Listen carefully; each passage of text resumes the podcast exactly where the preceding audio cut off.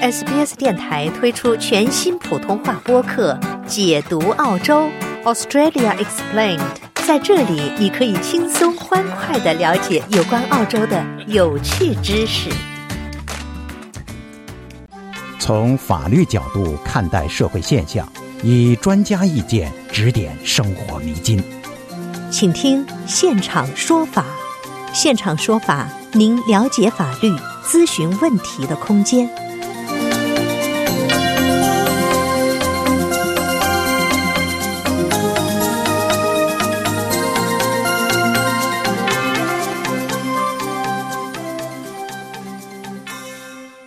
听众朋友您好，欢迎您继续收听 SBS 广播中文普通话为您带来的现场说法听众热线节目。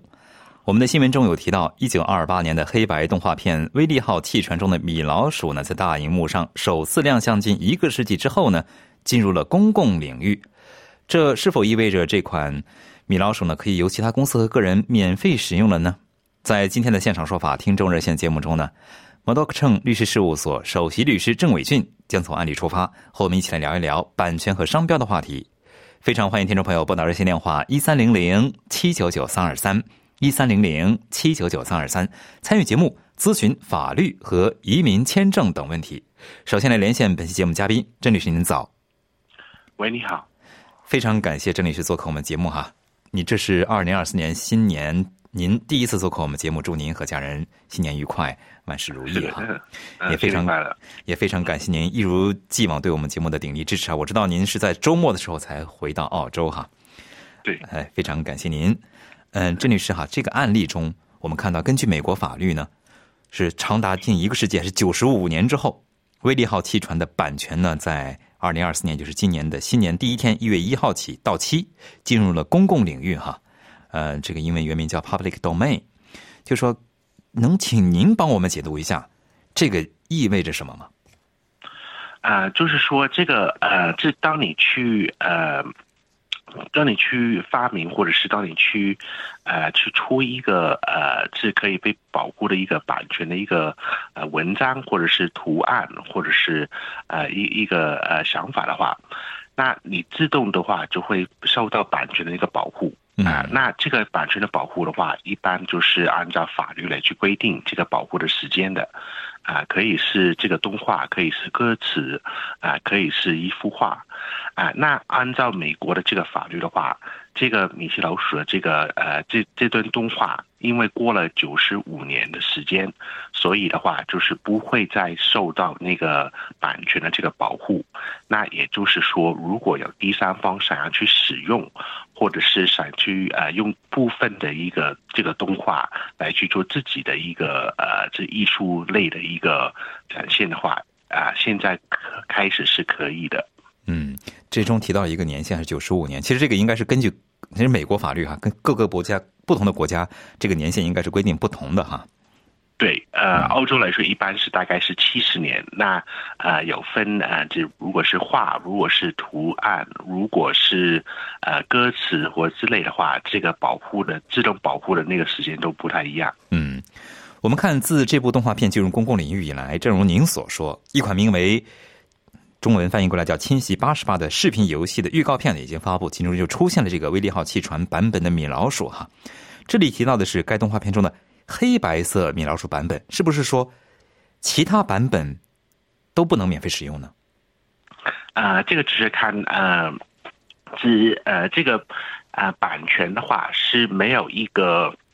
啊，是跟注册商标的一个呃地方是可以去查询，或者是可以确认它是在保护什么的。那这个黑白的那个啊卡通的那个短片的话，因为是九十五年之前啊第一次呃是呃出呃这这个公共领域，所以它的保护期间是九十五年。可是是否是黑白，或者是是否是呃这如果之后如果呃迪士尼有加上一个有颜色的那个米。米奇老鼠或者是米奇老鼠的动画的话，那保护的是在它的那个画还是它的那个颜色？那这个的话还不是百分之百确定啊。可是因为九十五年前呃只有这个呃黑白的这个动画，所以现在来说呃肯定是呃。黑白的一个动画肯定是可以使用的，可是彩色的话会不会连接到呃迪士尼或者是米奇老鼠的商标的话，这个是不清楚的。那么相信之后有可能哈，一些我看到一些人预测可能会有相关的法律诉讼啊，届时可能就会明晰一些，届时也请您来分析哈。我们看到哈，嗯。这个版本的黑白色米老鼠，米老鼠哈，一九二八年的版权过期了，但它的商标没有过期。具体来说，这个版权商标，它们这两者有什么区别？各自保护的是什么呢？版权的话，就是保护作家的那个想法。那你一旦有这个想法落落到一个纸呃纸条上啊，你画出来的或者是你写出来的话，这个自动会有法律来保护你这个版权，就是保护第三方来去抄袭是不需要去注册的。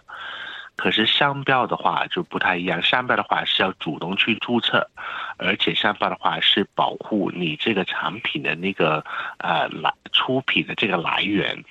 所以呃商标的话是不会呃这商标的话是不会有一个期限的，是如果你是注册的话，你可以一直注册，没有一个呃始终的一个呃过期的一个呃。年限，可是版权的话，就是呃会有一个法律上规定的一个保护期限。那这个美国动画的话，那就是九十五年。就是说，它这个二一九二八年版的黑白米老鼠的商标没有过期，是说它这个东西，比方说就是，呃，比方说我要生产一个杯子，上面就不能贴它这个东西，可以这么理解吗？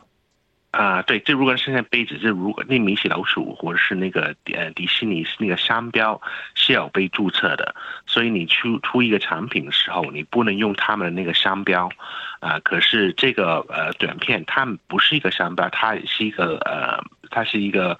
呃动画，而而且这个动画是被抄袭的这个保护而已，嗯，所以呃这这个这方面的话就是会过期。如果我生产。T 恤的哈，衣服的哈，我衣服上印了一个这个一九二八年版的黑白色的这个米其林米其林呃这个米老鼠哈，这个时候觉得可以吗？呃，如果单凭是这个米老鼠的话啊，如果是按照这个呃动画的那个米老鼠复制在一个 T 恤上的话，啊，单纯这个是可以的。嗯。可是如果你印了这个米老鼠之后之后。有违反到已经现在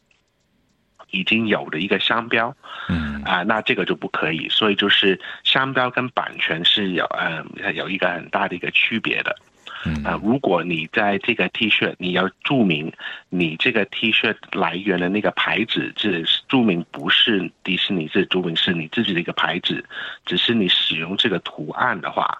那这个的话啊可能是可以的。可是如果你是没有。让呃公分清楚，说你是使用这个图片，而你不是迪士尼的话，那这个可能就不可以了。非常感谢郑女士的介绍啊，介绍的非常详细，感谢您。听众朋友，热线电话依然是一三零零七九九三二三一三零零七九九三二三，非常欢迎您拨打来参与节目，咨询法律和移民签证问题。接下来接听听众电话，这位是李先生，李先生您好。哎，你好。哎，您好，您请讲。是我吗？是您。哦，两位先生好，早上好，早上好。我是这样的，我我今年六十七岁，我是父母移民，我是去年二二年八月份拿到 PR 的。那拿到 PR 以后呢，因为我不懂英文，也不会说，那个都是我儿子在帮我办理什么事情。我呢是因为这里有福利，这个 Medica 和呃 o b 卡老年 o b 卡因为我这里出去要坐公交和开车，这个对我们来说没这两样工具，好像是很难生活。因为我们去玩玩、买买菜啊，在这里，因为在儿子这里这个带带孩子，对吗，你有什么法律问题吗？但是我呢是这样的，我去申请欧宝卡呢，欧宝卡公司说我已经一七年已经被人家申领了，我已经申领了。我儿子说我才去年，我二二年才拿到那个 PR 的。怎么会那个一七年？我一七年正好六十周岁嘛，因为我还没拿到 PR。我现在呢，就是我到三电力公司去问，他们说这个你找皮这个欧博卡公司，欧博卡是私人公司。后来我儿子就打电话，打电话就去问他，说怎么回事？他说你一七年就领了，领了。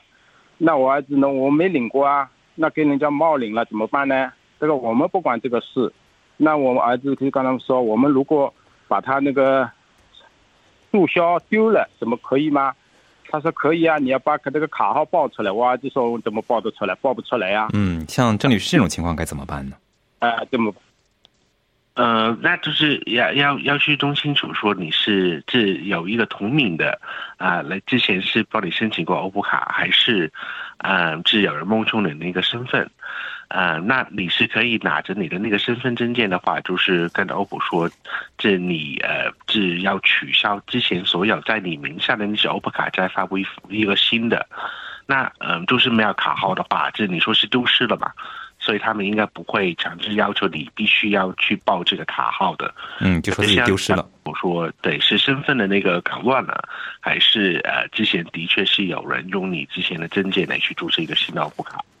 嗯。对对呀，这个问题我就呃，我儿子就跟他们说了，我们就现在是丢失了，我们现在重新要申请一个，他们说不可以。嗯，那你就可以说，这你之前的都是是都希望要取消，先取消完之后再申请一个新的。嗯，可以申请先取消。有申请取消取取啊取消，就是我申请这个这个欧博卡的取消。但是他跟我说，你申请你要拿拿拿这个是什么证件，拿这个那个证件，欧博卡的号码，怎么都要报失才能对。郑律师的建议呢，就是您取消您名下的所有的卡，就是欧博卡，这样的话再去重新申请，是吧，郑律师？对的，嗯，按照这个方法。我到哪里去申请撤销呢？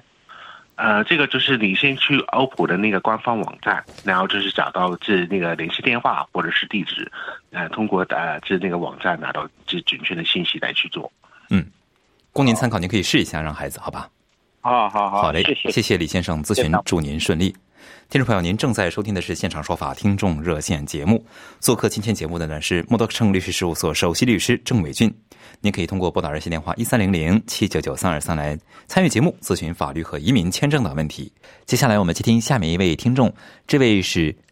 张先生，张先生您好。啊，早晨，大家好。哎，您好，您请讲。呃，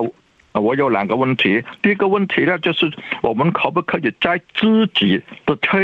车顶里面按这个上摄摄摄像头？啊，第二个问题呢，就是在 housing 啊，我就在 housing，housing 里面呢，这些居民呐，啊，这个呃居民，他破住住客，我们叫住客，破坏了我我们的车子，那么我们可不可以上这个 housing 申请赔偿？或者他们有什么责任有关此案件？谢谢。好，那呃，车子的话是可以装那个摄像头的，啊，那很多车子的话都会有那个行车的那个记录器，啊，那呃，就是你的车子是停在路边，你还是可以去安装这个摄像头，然后开着来去保护你自己的财产，或者是来去呃录制，呃，如果有人去破坏你的车之类的。啊，那有关破坏那个车子的那个法律责任的话，那这个的话就呃，是你就是要去向警方那一边去报警。如果你觉得有人是恶意去破坏你的那个车辆的话，呃，可是呃，是你说可不可以呃，是让一个机构来去负责他们的一些租客，或者是呃，这他们安排住在那边的人的话，这个是比较困难。啊，可是如果你是能采。采取到证据说是谁去破坏你那个车子的话，那你是可以向那个个人来去得取赔偿，或者是你可以考虑，如果你觉得很难来去采取那个证据的话，就是去购买这个车辆的保险，来去保护你的那个权益。啊啊，还有，呃，我是在车顶上面安安这个三针头，不是在里面，在车顶上面上面可以吗？啊，理论上也是可以的，可是呃，是你安装的时候就是要呃，去确保说你安装的是稳固的，呃，然后可是你如果车呃那个摄像头是在车子外面的话，那也可能是被损坏或者是被拆除的那个几率会比较多，特别是如果有人一直在破坏你的车辆，所以这可以的话，最好是放在车子里面，可是理论上安装在车子的外面也是可以的。嗯，张先生，好，谢谢，谢谢，谢谢。谢谢张先生，祝您顺利。接下来我们接听下面一位听众，这位是吴女士，吴女士您好。啊，大家好，呃，那个呃，郑律师你好，这个呃这个事事情已经困扰了我一年了，可以说给我是这样的事情，就是我的呃两个包裹，呃，从中国大陆就是两箱子的东西，价值大概是一千澳币，被寄往这边悉尼，那么是我呃那个这个寄往悉尼的那个那个这寄件的人呢，是我在中国大陆的妹妹。然后呢，我要求他把这个东西是寄到我的地址的，但是他没有，他把东西寄到了他的同谋，他的相好那边。然后在他相好那边呢，已经这个东西已经一年多了，就二零二零二二年十二月底寄过来的，那么两月份到达那边的都有记录证明，但是那个对方呢不肯把东西还给我，我打电话也好，呃，给他写信也好，他都说不关他的事。那么这个事情我也报警了，但是警方现在呢说，因为我妹妹不是这边的，那个追查那个男的呢，他们查到了他的电话、手机号，也查到了他所住的那个区域，但是呢，他们打电话给那个男的呢，那个男的始终不接。那现在我就是问，像这样的，他帮做帮凶，藏匿我的东西，呃，不拒不还，那么警方是不是可以有追查他的刑事罪？就是说可以上门去搜查，或者说是警察他如果不还，呃，可以上诉他，警察上诉他，起诉他，可以吗？那么郑律师，你有什么好的办法？希望能够得到指教。因为呃，发件的这个人呃不是你，是你的妹妹，所以的话就是如果在澳洲这边，他你所说的那个同胞，他收到那个物品的话，你很难去证明说这个物品呃这不应该发到给他，或者是他不是这个物品的这个法律所有者啊、所以呃，由于你的妹妹是呃是违反了你给他的那个委托的那个约定，所以一般来说，这种情况的话，应该是要在中国那边去起诉的，就是你呃交代你呃你的妹妹在中国去帮你把这个物品邮寄过来澳洲给您，可是他违反了这个委托的那个范围，他发了给另外一个人，啊、导致你的损失。他是故意的，他是故意的，嗯。对，所以他他是没有按照你的指示去做，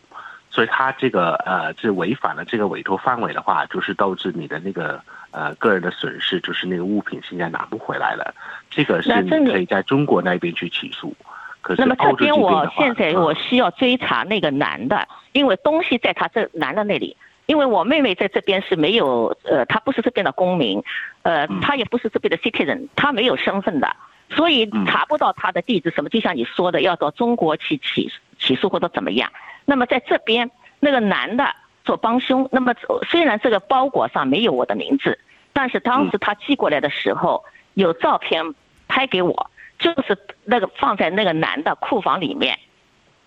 呃，那么也告诉我是几日几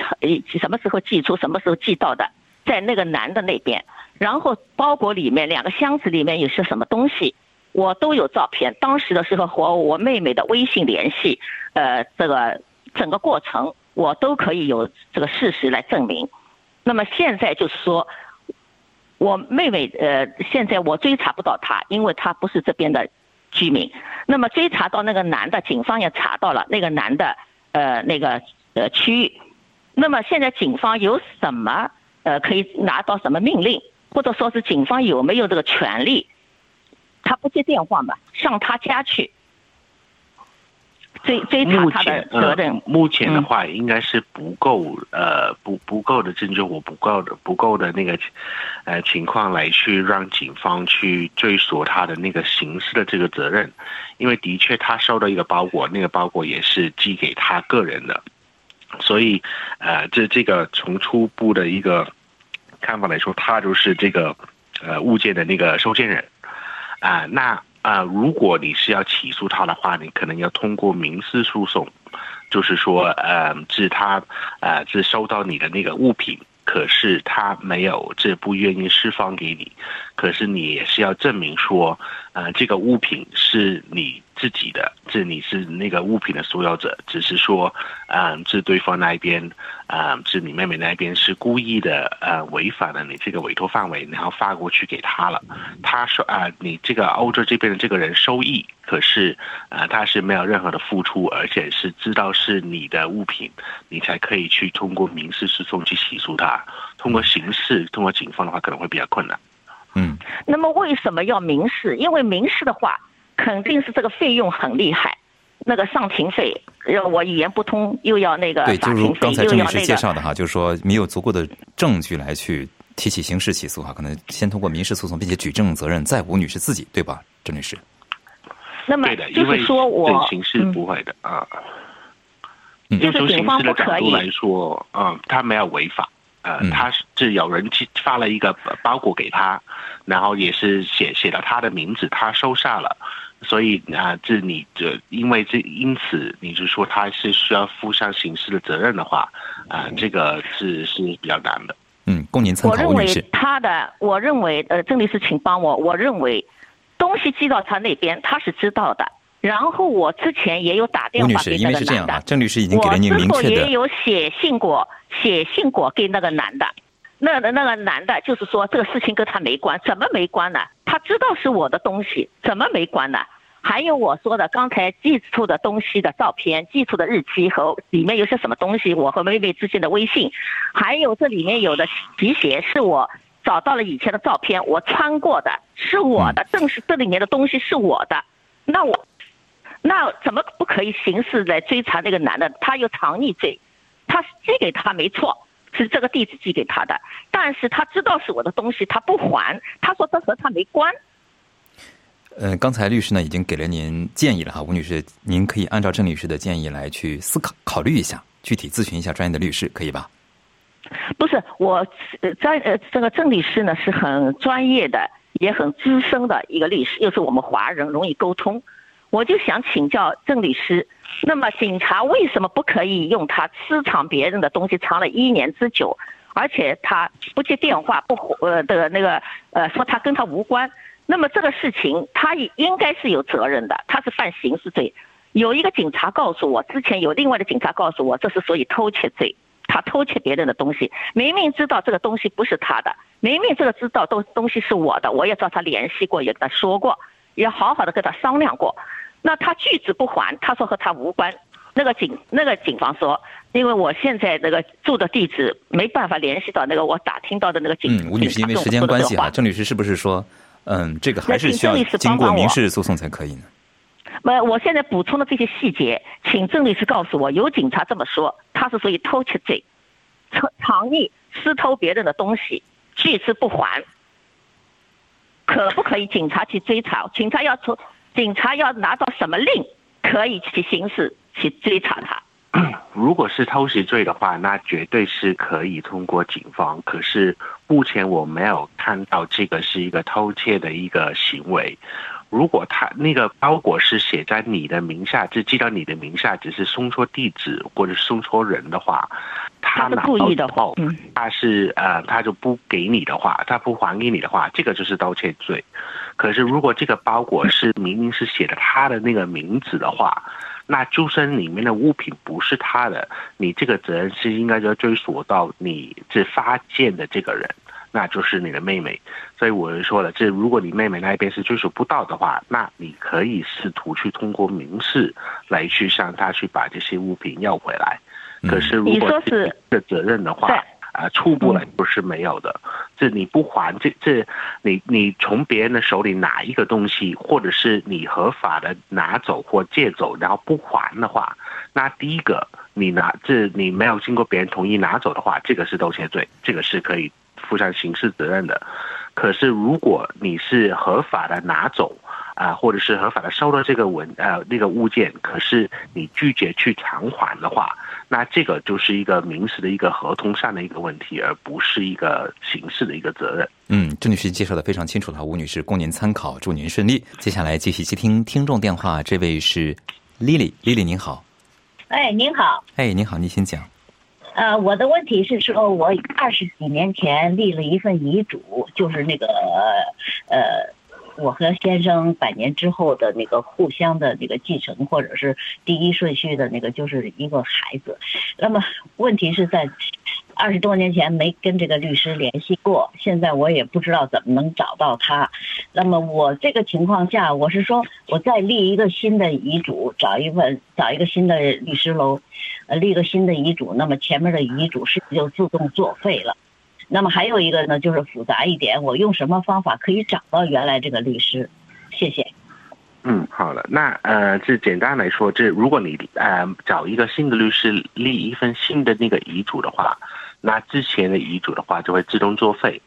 所以嗯，是你不应嗯，是抓紧去找你之前的那个律师啊，你可以呃简单的去去找新的律师事务所帮你写一份，里面也会注明说啊标准条款就是注明说你之前所写的那些遗嘱都是作废的，那这样子就好了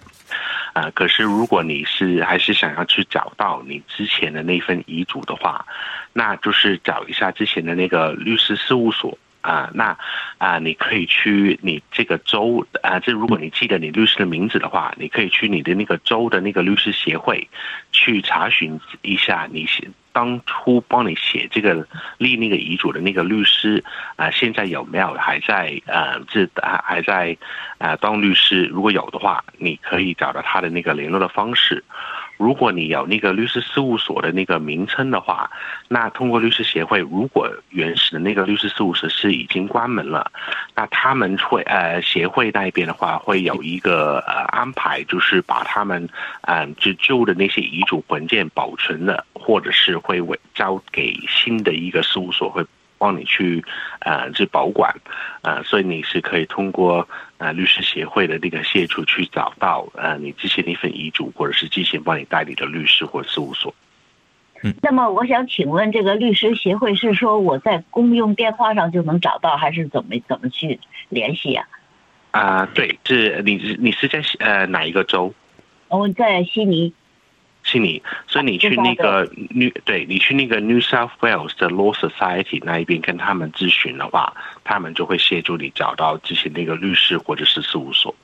嗯，那这个是不是在网上可以找到？是吧？对，网上可以找到。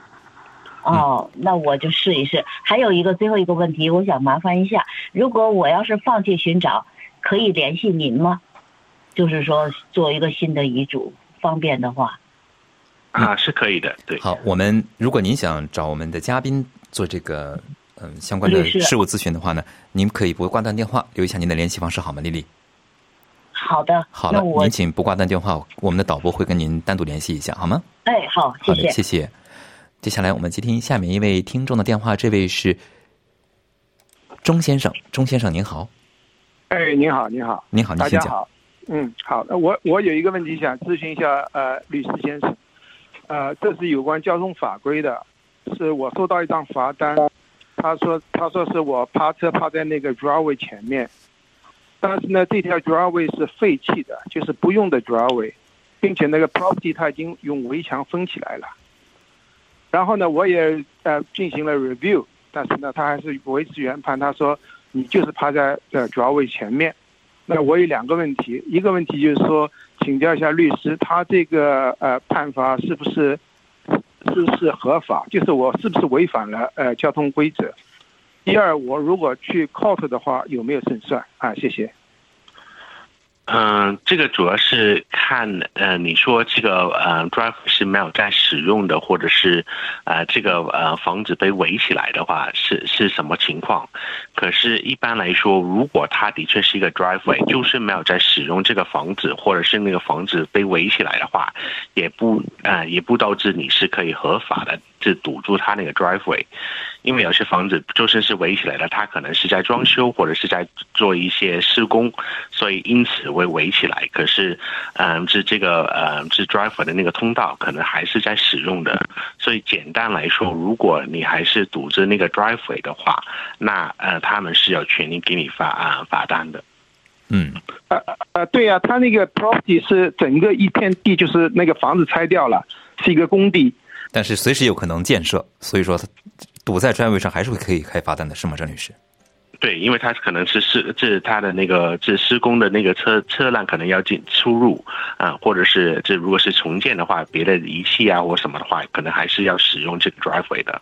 嗯，供您参考哈，钟先生。那么也给我们提个醒啊，祝您顺利，钟先生。非常感谢听众朋友们两个小时的支持啊，非常感谢郑伟军律师。听众朋友，在节目的最后呢，温馨提醒您，因个人情况因人而异，法律问题复杂，本节目的仅供一般性参考，并无意提供任何个案法律建议。具体法律纠纷呢，请您咨询专业的律师。了解澳洲，融入澳洲，欢迎登录 sbs 点 com 点 eu 前斜杠 language 前斜杠 mandarin，获取更多澳大利亚新闻和资讯。